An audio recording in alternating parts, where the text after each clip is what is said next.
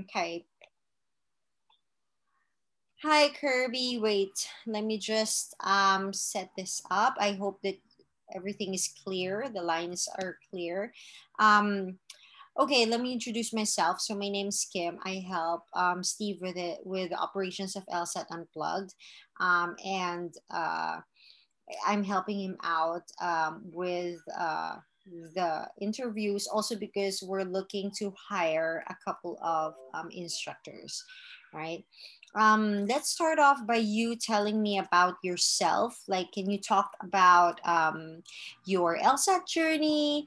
Um, why you're also interested in this position? Like, I, I also want to know um, more about like uh, most people they start out prepping for the LSAT. Then you know it takes longer, maybe shorter than they would have expected. So yeah, go ahead, take it away. All right. Well, thanks for doing this. I appreciate it. Um, so my name is Kirby, and I'm a filmmaker. Actually, I run a nonprofit uh, in New Orleans, and it's an educational nonprofit. So we help um, at Promise youth from middle and high school learn how to make movies. So I've been interested in, in education for a long time. I've taught college before. I taught college at a university in China, actually. Wow. Okay. And I've always wanted to take the LSAT. It uh, seemed like a test that'd be an interesting challenge for me. I've thought about going to law school and um, I sort of took the pandemic to, to take the test, right? So a lot of the pandemic, while we were locked indoors, nothing else to do, I took advantage of studying the test. um, similar to Steve, I wasn't a natural genius at it. My diagnostic was a 159, um, and it took me about a year. So I spent a lot of time on uh, on your website, on his website, and I did a lot of bad studying, right? I really grind my wheels for a while. I, I, was able to get to about the 165 region and then I just stuck there. I just couldn't quite find my way above it. And I went from, you know, guru to guru, system to system, trying to figure out how to break above that and, and hit the higher levels. And it wasn't until I kind of came up with my own system and figured out what worked for me that things really sort of clicked and I was able to get higher. Um, to be honest, one of the advantages of this position is that I think it would allow me to continue studying the LSAT while helping others because I do want to retake it. Um, I've, I've, managed to get a few 180s on my own, um, you know, timed practice tests, and I haven't quite converted that to doing it on test day, but I'd, I'd be really interested in doing that. Um, so I, I love teaching, and I've been tutoring the LSAT on my own for a while, but I'm not as interested in the process of going out, recruiting students, advertising. I don't want to make my brand. I don't want to, you know, do it for life. I want to do it for the next 12, 24, 36 months. Um, so an opportunity to teach students through an established brand, uh, take the best of, of, Steve's method and maybe add in a little bit of, of sprinkles of, of, what I know and what works for me um, is really the goal. And I, I, spent a good deal of time, like I said, on his website, and I really appreciate the distinction that he made between tutoring and coaching, right? Not to be an LSAT tutor, but to be an LSAT coach and, to really help the student find their way and maximize their way of approaching the material instead of just letting them see my way and works best for me. Yeah.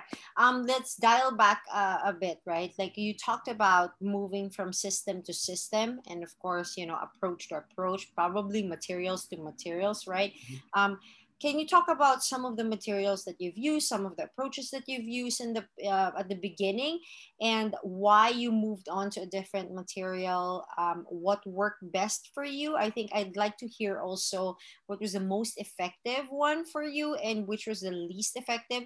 Now, of course, this is um, very subjective, as you know, because people i mean some some materials work for them some approaches um, don't and so we always uh, are very curious about um, what worked for you and what didn't. Yeah, that's a great question. Um, so I started off with Blueprint and I did their online video series. And I think that that worked incredibly well for just the fundamentals, right? That was able to get me from the 159 to the mid 160s. I was able to kind of figure out the fundamentals. Um, it especially got me pretty much to where I was or needed to be, you know, minus one, um, minus zero on average with reading comp and logical reasoning, right? So it got me to figure out the fundamentals and that that got me where it needed to be. It really didn't do the trick for me with logic games.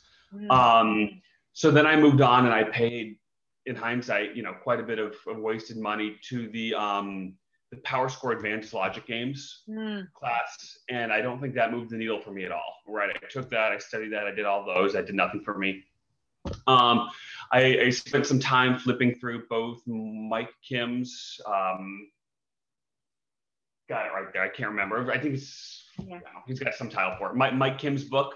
Mm-hmm. Um, again, I could tell really quickly, like, I, think all of these systems more or less do a decent job of the fundamentals, right? And none of them were helping me to get from the fundamentals to to mastery.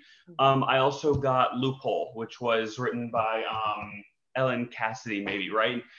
That one at least was really interesting because he's got those translation drills, which I was, I think, subconsciously aware of, but bringing the need for translation, I think, was yeah. really important. And I emphasize that with all of my students who struggle with logical reasoning because I tell them most of the time it's not that it's advanced logic right? It's that it's advanced words. And and simplifying this makes it really really easy to tell where the errors are or, or what the problems are.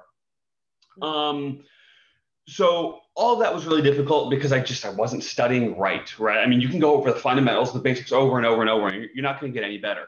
It wasn't personally for me on my journey until I found Seven Sage that I was able to get up, and I combined the Seven Sage foolproof method for logic games mm-hmm. with their analytics. I thought their analytics were the best I'd ever seen. They were certainly better than PowerScore's. Um, it made it really, really clear after I did three practice tests that I was just having problems with like these types of questions. Um, and so having those analytics were, were what changed the game for me.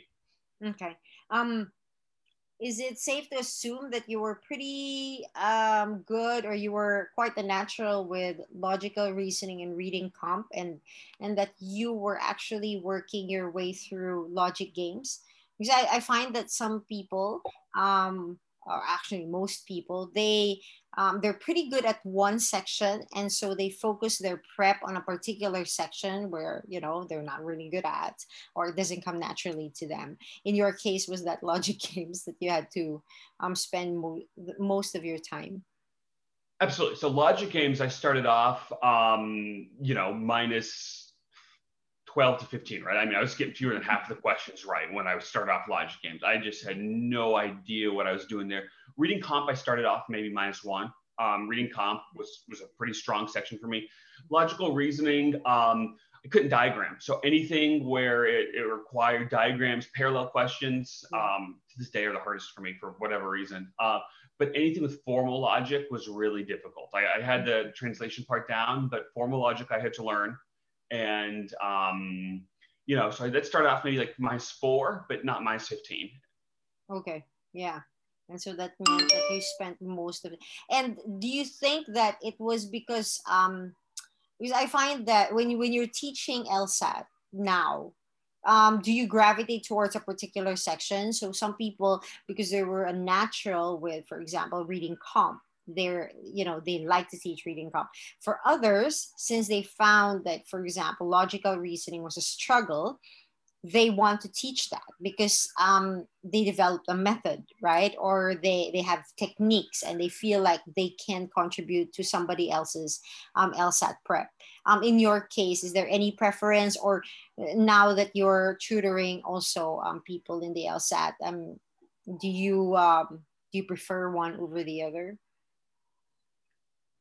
yeah, prefer might be a strong word, but I, I, think if I had my choice, I it would be logic games. Like I like teaching logic games. I really, I realized that for me, the key to logic games was just you know you do them over and over, and you have a hundred little light bulb moments. Oh, that makes sense. Oh, that makes sense. Oh, right. And so it's it's not a bad way, but a hundred different times I told myself, "Wow, you're so stupid. Like that's so easy," and it's really fun watching students make that realization.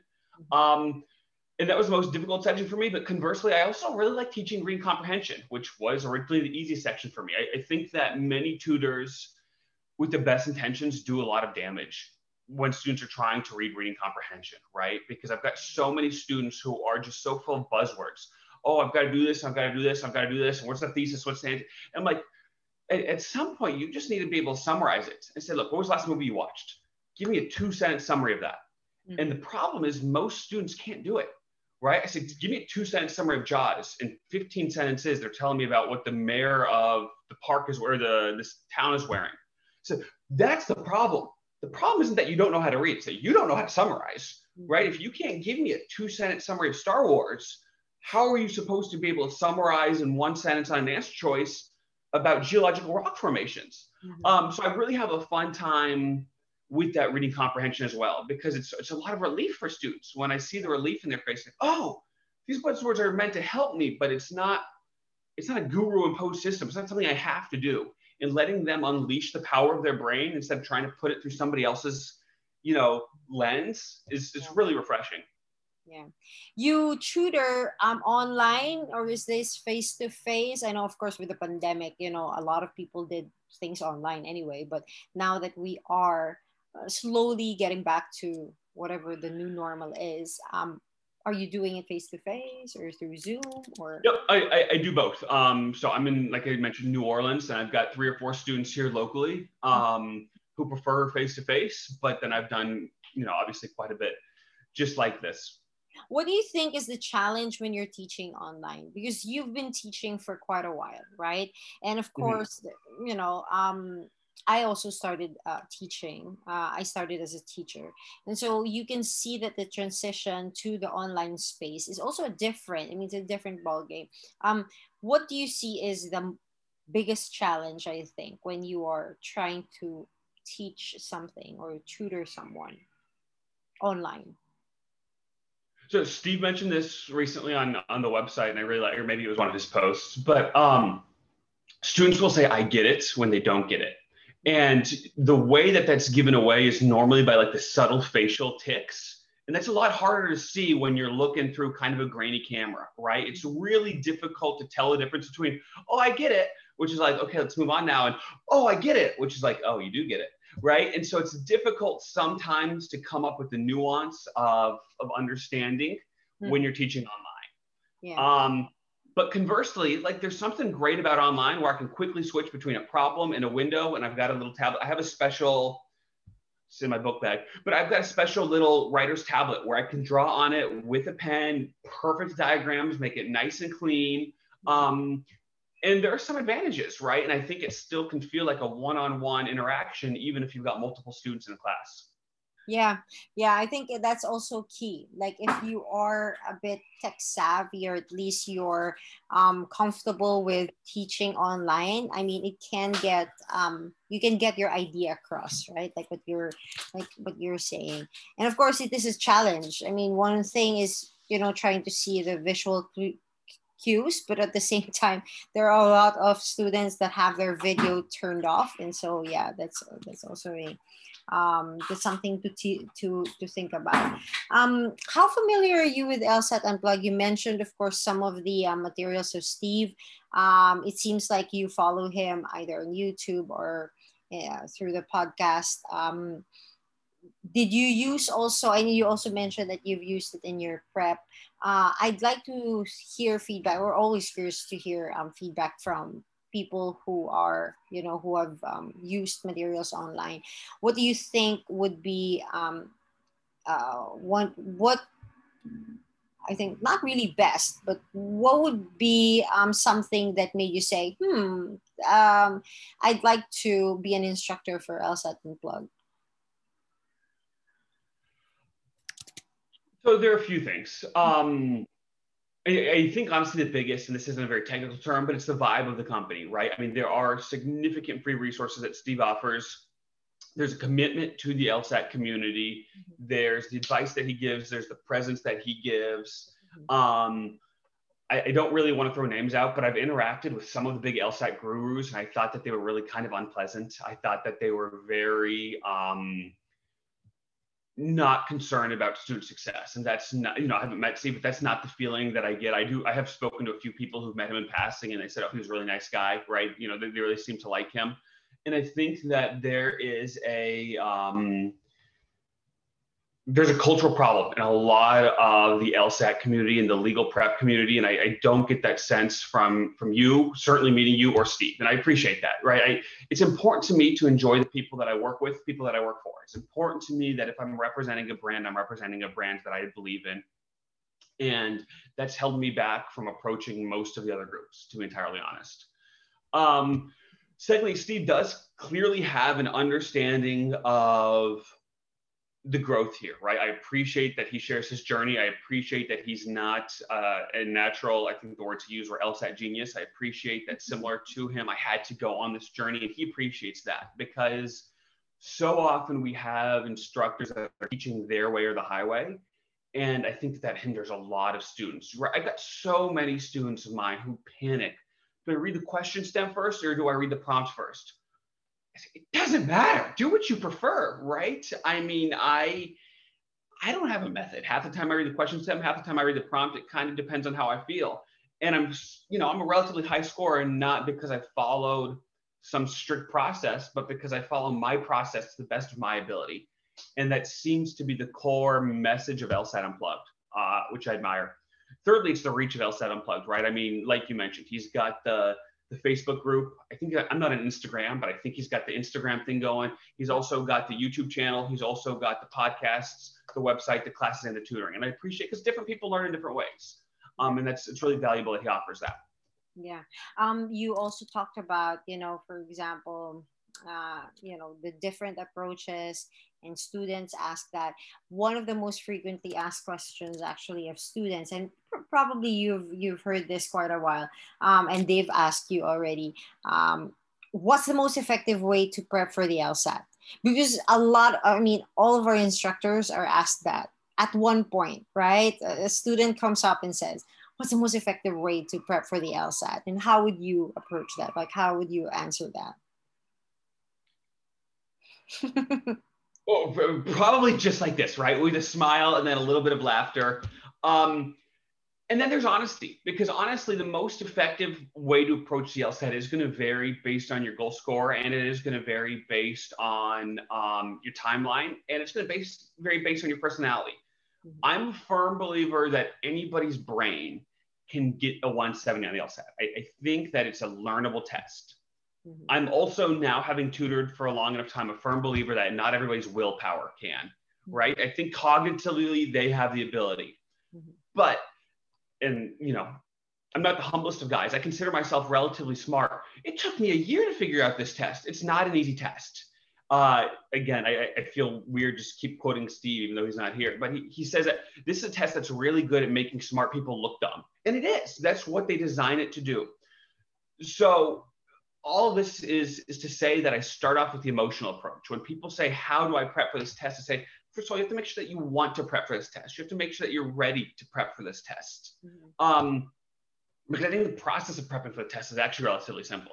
You take a PT, you learn the fundamentals, you do another PT, you figure out your weaknesses, you drill, and you do a data based approach where you drill, you focus on your weaknesses, and you master one question type, then another, then another, then another, until you get them all down.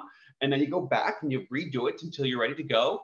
And then once your brain is sick of it, you can move on to another section, and then you just kind of cyclically move up, right? It's almost like Hegel's dialectic. You're just going all the way up. Um, so the process of actually mastering this test is not a difficult one, right? It's, it's a relatively laid out thing.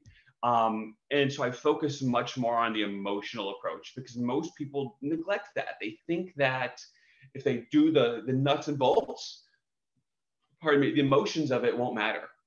Whereas when I'm in my pajamas and I take a PT, it's it's like half the time I get a 180.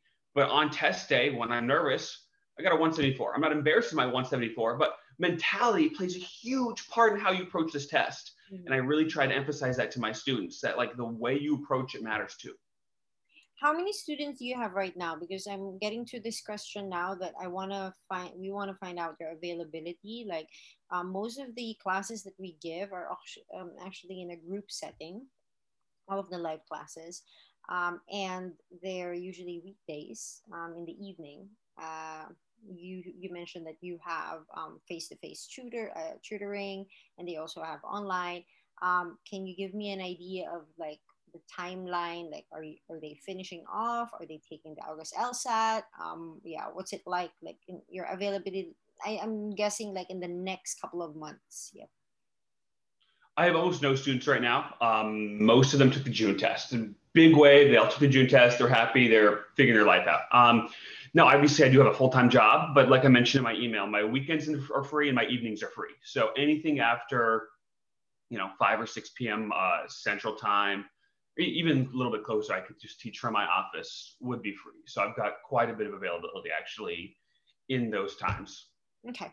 Um, do you have any questions for us um, before I talk about next steps? But do you have any questions? Or?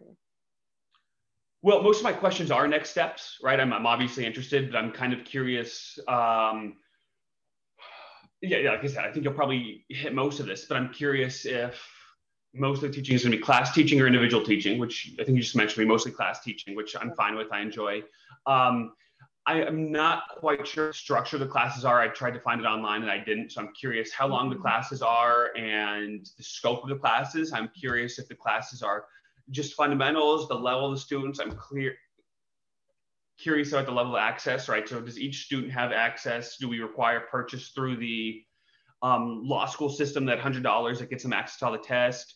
Do they have access to analytics? Do they handwrite journals? You know, I mean, I'm kind of curious the nuts and bolts of the LSAT Unplugged system. And then I'm also curious, and I don't have a firm line on this, but I'm curious the degree to which I'm not reading a script, but following a system in okay. teaching or curriculum versus, you know, the again, I don't really like the freedom, the word freedom, but the the leeway that I have in bringing in sort of my own style.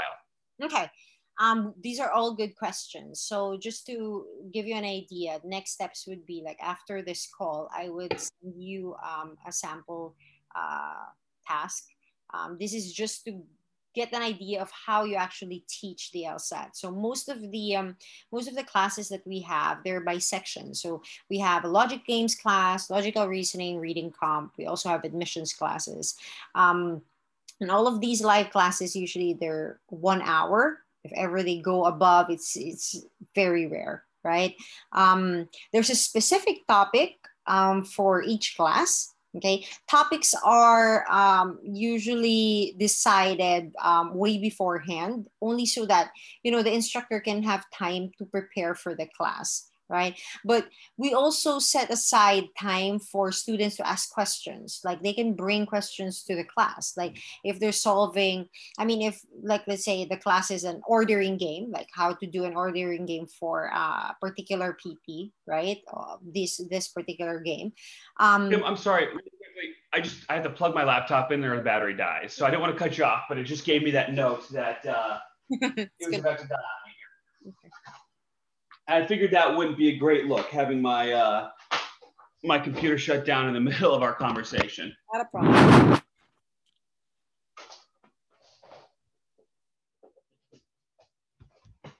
Okay. Excellent. I'm sorry. So you mentioned you have a class on um, like ordering games, for instance. Oh, for example, somebody uh, like you're giving a class on ordering games, and somebody asks a question because they're solving another game, right? Um, in, during their prep. And so they ask you a question. We encourage instructors to accommodate these questions. Sometimes we don't have enough time. And so that can be the topic for the next class, right? So it, it's, you know, it's possible.